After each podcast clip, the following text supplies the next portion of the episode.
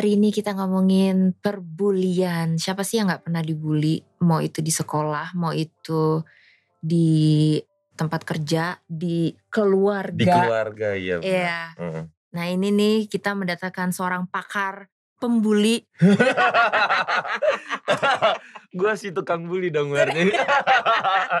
Kita Iya. lihat nih setelah interview ini. Ini Lo tukang bully atau dibully atau lo netral aja? nah kalau kelihatannya gini gue tukang bully apa, apa dibully kira-kira? Hmm, tricky ya. Bisa Eh. dua-duanya kayaknya.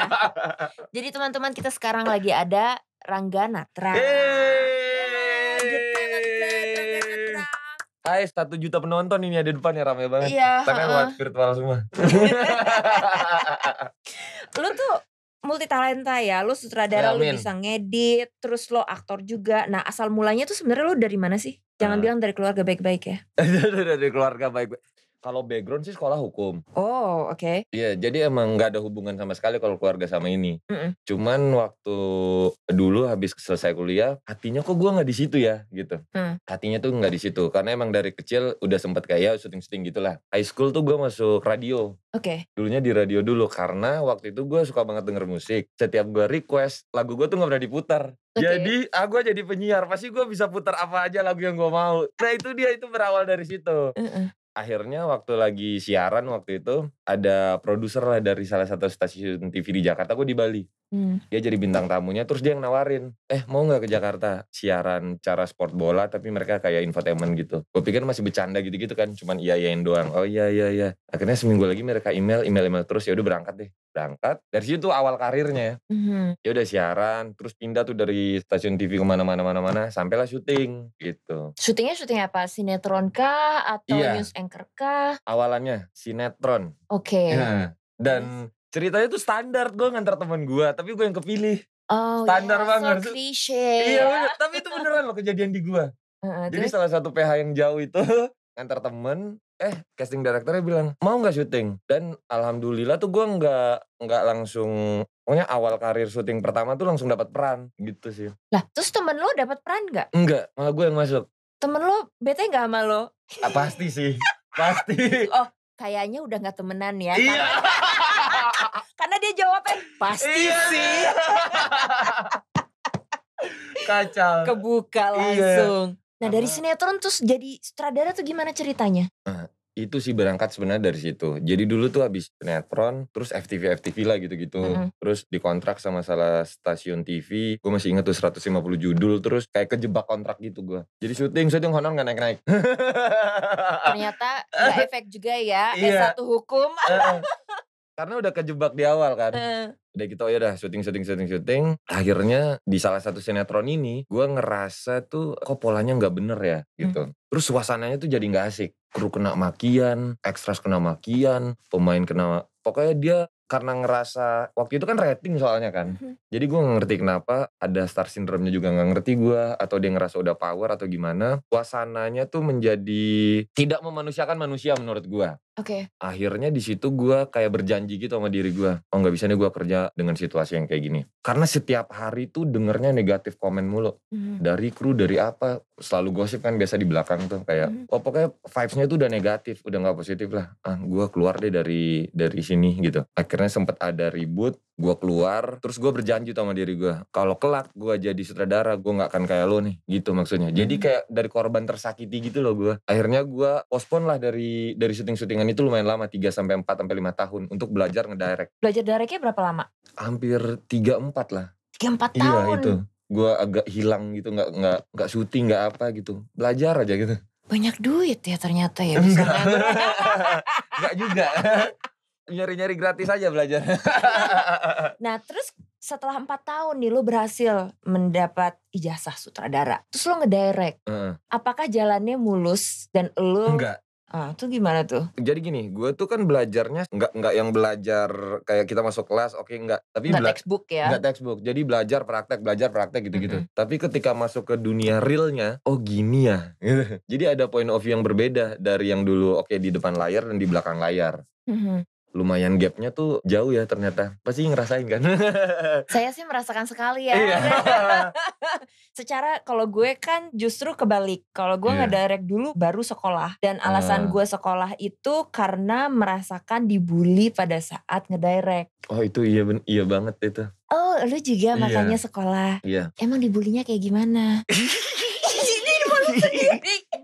Tapi pasti lu ngerasain. Pasti kayak kru terus mungkin pemain gitu-gitu ada skeptisnya lah ngelihat anak baru atau dia udah buat apa nah gitu-gitu kadang juga ada tim yang nggak mau denger apa arahan lu Mhm. ngerasain nggak Gue ngerasain dan gue ngerasain way before that. oh, Pada oke. saat perekrutan, Hmm, karena waktu itu gue ngerangkap juga sebagai produser. hmm. oh lebih aman dong Kata siapa? oh enggak ya Enggak, Oh. enggak. Waktu itu gue sampai nyari kru, nyari Astrada, nyari chief of department yang lainnya. Setiap gue telepon mereka akan nanya, maaf tapi kamu umurnya berapa ya? umur Umur. kok nanyanya umur Karena waktu itu gue 19 tahun. oh iya tuh yang dah Terus tapi iya, good harusnya kan nah sekarang didukung yang Iya. muda yang berkarya. Iya, Kalau dulu belum. Ya, well that's the, ya untung gua nggak separah lu loh parah ya dia kisahnya gila keren banget sesuatu tentang bullying yang orang nggak tahu. Mungkin mereka ngebully gue di lapangan, hmm. tapi efeknya tuh bisa ngerembet ke keluarga. oh nyampe ya Oh nyampe, nyampe. sebener gue tuh agak nggak setuju ketika oke lu mau jadi sutradara juga lu harus wajib sekolah atau apa Mm-mm. I'm not that type tuh dengan pola pikir yang begitu Karena kita generasinya sama generasi sebelumnya, mereka berpikir mungkin bahwa gila ya, lo cuman modal punya duit atau gimana tuh sudah bisa jadi sutradara. enggak men lu harus punya otak men iya percuma lu punya duit lu nggak punya otak nggak jadi gitu maksudnya dan dan kalau lu nggak punya passion di sana juga nggak akan jadi Iya. ketika lu cinta cinta sama film menurut gue yang bener-bener cinta ya sama film. Itu passionnya akan keluar bukan dengan perkara oh lu punya duit buat film terus kayak lu punya kenalan ini terus dapat lu dapat kesempatan buat ngedirect dan buat film. Enggak. Kalau lu dikasih kesempatan itu dan lu nggak ada otaknya dan nggak ada passionnya di sana ya nggak jadi juga. Bener gak sih? Nggak akan survive iya itu maksud di gua. industri. jadi yang ngejudge gampang tapi kan ya jangan dong Nah, Lu sendiri, ini kan lu dari aktor, Hmm. terus berubah jadi sutradara kan. Di mana krunya pasti ada kru yang sama kan lo pakainya. enggak Oh enggak sama sekali. yang mana nih dari awalan gua pas yang main itu Eh, eh. oh enggak Oh enggak. enggak Tapi orang ada skeptisnya enggak sih? Oh aktor pengen sok jadi sutradara. ada itu nah gue ngerasainnya di situ justru Hmm. di situ tuh gue ngerasainnya tapi ketika menang lah waktu itu gue salah satu di festival di Inggris nah gue tuh baru dideketin ngerti gak sih baru kayak ada baru apa ya gue gua merasa pribadi ya itu baru gue kayak dianggap lah tanda kutip Hmm. itu yang gue ngerasain gak tau apa gue baper atau gimana tapi itu yang gue ngerasain Berarti achievement itu Pen- jadi benchmark ya? Itu benernya ya. Makanya tadi gua nanya itu karena gua nggak setuju sih. Karena gini, eh, ketika lu berkarya, bonusnya adalah bukan buk, eh, benchmark itu bukan bukan lu dapat sesuatu atau apa, tapi dari dari kepala lu yang yang oke semuanya udah lu bentuk terus tiba-tiba lu pengen visualkan bisa dinikmatin sama orang rame-rame itu buat gua achievementnya lebih besar sih daripada cuman megang kayak oke gua menang nggak gitu-gitu maksud gua. Eh, dan dinilainya dari situ gitu. Apa kabar kalau ada filmmaker yang emang bagus banget terus dia buat karya terus emang filmnya dia nggak festivalin? Hmm. nah apakah akan dikotak-kotakin gitu juga gitu loh maksud gua Iya, Nah, iya. I'm not that type yang di kotak-kotakin, kotak-kotakin gitu. Makanya gue agak kurang juga bergaul, yang ke mana-mana banget enggak. Jadi kayak I do my work aja sebenarnya. Fokus I aja see. apa yang mau gue buat-buat. Nanti ada yang judging, oh ini gini-gini. Itu gue udah udah kebal sih. Kanan kuping udah masuk teng, udah keluar lagi. Yang bagusnya gue ambil, negatifnya enggak sih. Tapi kan lu pasti ngalamin proses dong untuk sampai di titik itu. Oh panjang. Nah itu Hmm. apa yang membuat lo sekuat sekarang? Wah banyak sih ini. Itu dari yang... Aduh, gue takut banyak yang tersinggung nih. Anggap saja panggil saja dia eh. Iya soalnya kan kita muter-muternya di situ-situ doang kan. iya, lalu udah tahu banget lah gitu. Gue cuma mau bilang berat sih prosesnya, berat berat banget. Tapi proses yang di dalam diri lo, Justru itu. hmm, sempet bikin lo putus asa nggak sih? Oh banget. Dan sempat kepikiran untuk oke gue stick to acting aja deh. Ini pro- produk baru kelar syuting banget ini gue yang ngedit ini. Heeh. Ini gue kayak ta- tadi malam tuh kan gue kayak Oh fresh banget fresh dong. banget ini. Makanya tadi tuh masih masih connect banget ketika lu ngomong oh gue ngedit gue liat ini karya gue itu baru gue ngelakuin tadi malam. Jadi kayak Hmm. produser eksekutif produsernya puas banget sama hasilnya. Terus aktor-aktornya tuh kayak kayak kita jadi keluarga gitu loh di sini. Nah tapi banyak lah juga negatif yang orang-orang ada aja kan yang mau nyerang buat jatuhin. Akhirnya gue kayak aduh gue udah malas banget drama nih. Malas gue deal sama drama-drama gini. Ini not my type ini. Akhirnya gue kayak oke ini, ini last gue ngedirect deh. Gue mau main aja. Baru semalam. Tapi lo nikmatin kan? Nikmatin banget. Sampai pemain-pemain gue tuh kata menurut mereka ya. Salah satunya tuh Tante Karina nih. Karina Suwandi dia dia kalau kalau nggak tag itu dia suka lihat gue di monitor apa dengan headset dia bilang kayak lu tuh terlalu apa ini banget dengan dunianya. Itu kan kadang lu nggak setting kan? Mm-mm. nah gue tuh nikmatin banget. Gue tuh nikmatin banget sih. Jadi sutradara tuh gue nikmatin banget Yang pertanyaannya adalah sepuas apa lo apanya? dengan karya lo? nggak pernah nggak akan pernah puas sih. Iya, tapi Iya. sebanding nggak dengan dramanya? Karena gini, kalau drama itu pada satu titik akan berhenti. betul betul. Kalau itu nggak sebanding malah lebih ya. Jadi ketika gue nonton hasilnya nih gue kayak worth it. Gitu loh. Dengan semua yang udah dilewatin ya gitu maksudnya. Dari perjalanan panjang dari yang before sampai afternya sampai lihat hasilnya. Jadi sepadan sih gitu itu yang bikin Iya, kuat. benar. gue tipenya yang nggak ngeladenin sih untungnya ya. Kalau ada pihak-pihak atau mungkin senior-senior yang ingin menyerang gitu bahasa kasarnya nggak gue lade even nggak gue pikirin sebenarnya untung type gue tuh gitu. Oh wow, Nah- berarti penting ya sebenarnya ambience yang dibangun Betul. sama bos betul yang di sangat. atas. sangat penting. Buat gue sangat penting sih makanya gue nggak pernah kasih pagar gue nggak pernah kasih tembok. Karena gue ngerasain kalau dikasih pagar sama tembok waktu ketika main tuh nggak enak banget. Dan Hmm. itu yang pertama gue berjanji oh gue nggak akan nih ciptain situasi begini kelak. Dan setiap pemain-pemain gue yang kelar syuting sama gue mereka ketemu di produksi lain ada tuh ntar yang curhat yang telepon gue bang di sini nggak enak situasinya. Gue selalu kasih pesan lu ciptain di sana family vibes. Tapi nggak berhasil. Lu, lu ciptain dulu aja ada yang berhasil ada yang nggak. Yang penting lu ciptain. Daripada lu kekungkung dalam produksi sebulan dua bulan tapi lu harus fake kayak pura-pura gitu. Cip- mending ciptain dulu aja kalau berhasil alhamdulillah kalau nggak berhasil ya udah berarti bukan satu circle yang sama gitu Mm-mm. gitu Iya aja sih, sih benar sih. Dan selalu ada yang di atas untuk ngebully. Iya, Kalau iya. menurut gue, jadi aktor bisa dibully sutradara, sutradara dibully sama produser, produser dibully sama investor ya kan. nah iya Ini kan jadinya menciptakan sebuah rantai yang buruk ya. Hmm. Menurut lo gimana caranya supaya memotong rantai buruk itu atau bahkan merubah rantai itu menjadi sebuah rantai yang bagus?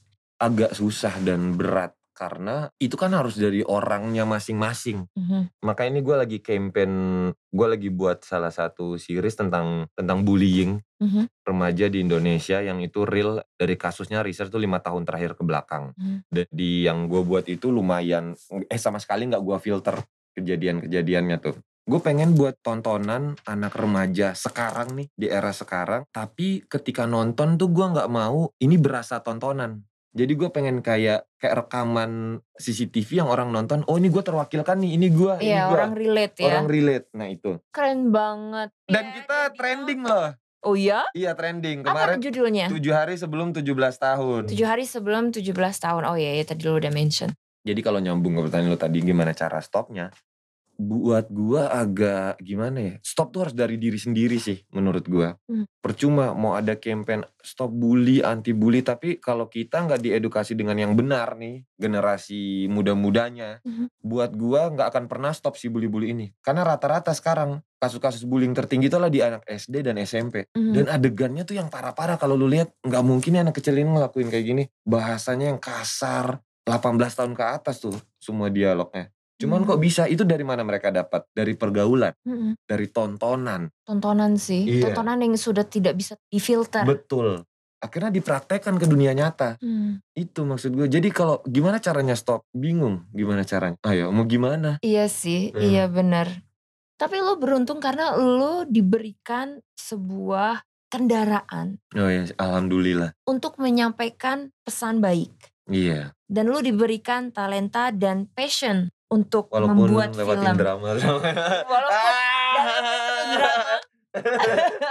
Tapi itu bisa jadi satu kontribusi lo to make a difference. Amin ya semoga semoga. Kecuali kalau lo berhenti. Hmm, enggak. Banyak banget orang yang punya mimpi tetapi tidak punya akses untuk mewujudkan mimpinya mereka. Iya iya. Sedangkan kita dikasih akses, baru kita dipersilahkan untuk mimpi. Mimpi Hmm, kita mau hmm. sejauh mana Ya nih? jalan orang beda-beda sih. ya. Jalan orang beda-beda. beda. Kalau dulu sebelum ada sosial media kan benar-benar perjuangannya itu ketat sekali untuk bisa sampai karya kita ada di TV atau ada di bioskop. Iya prosesnya lebih berat sih ya. Prosesnya Hmm. lebih berat dulu. Sekarang soalnya banyak media juga yang udah udah mensupport sih. Bener kata lo. Mungkin ada orang yang gak seberuntung kita yang punya akses atau kesempatan yang sama, tapi mereka punya passion. Oh gue mau buat ini buat ini, tapi nggak tahu harus diarahin ke mana. Sekarang kan udah banyak tuh. Bisa lo taruh di YouTube, bisa lo taruh di mana, iya kan? Iya. Siapa tahu ntar ada produser yang lihat, oh bagusnya atau apa bisa aja gitu-gitu. Kesempatannya udah lebih lebih gede sih sekarang. Mm-mm. Eh, dari mana aja sih. Dibantu banget sih sama lewat sosial media. Dari lo nih seorang Rangga Natra yang sudah mengalami manis pahitnya sebagai aktor, Hmm. sebagai sutradara, lo udah ngalamin bullying. Apa sih yang bisa lo kasih sebagai tips untuk yang di sana yang mungkin jadi korban bullying, mungkin terjebak menjadi seorang pembuli dan dia tidak bisa keluar dari perannya itu? Hmm. Dan tips untuk orang-orang yang punya mimpi tapi merasa bahwa belum ada jalannya.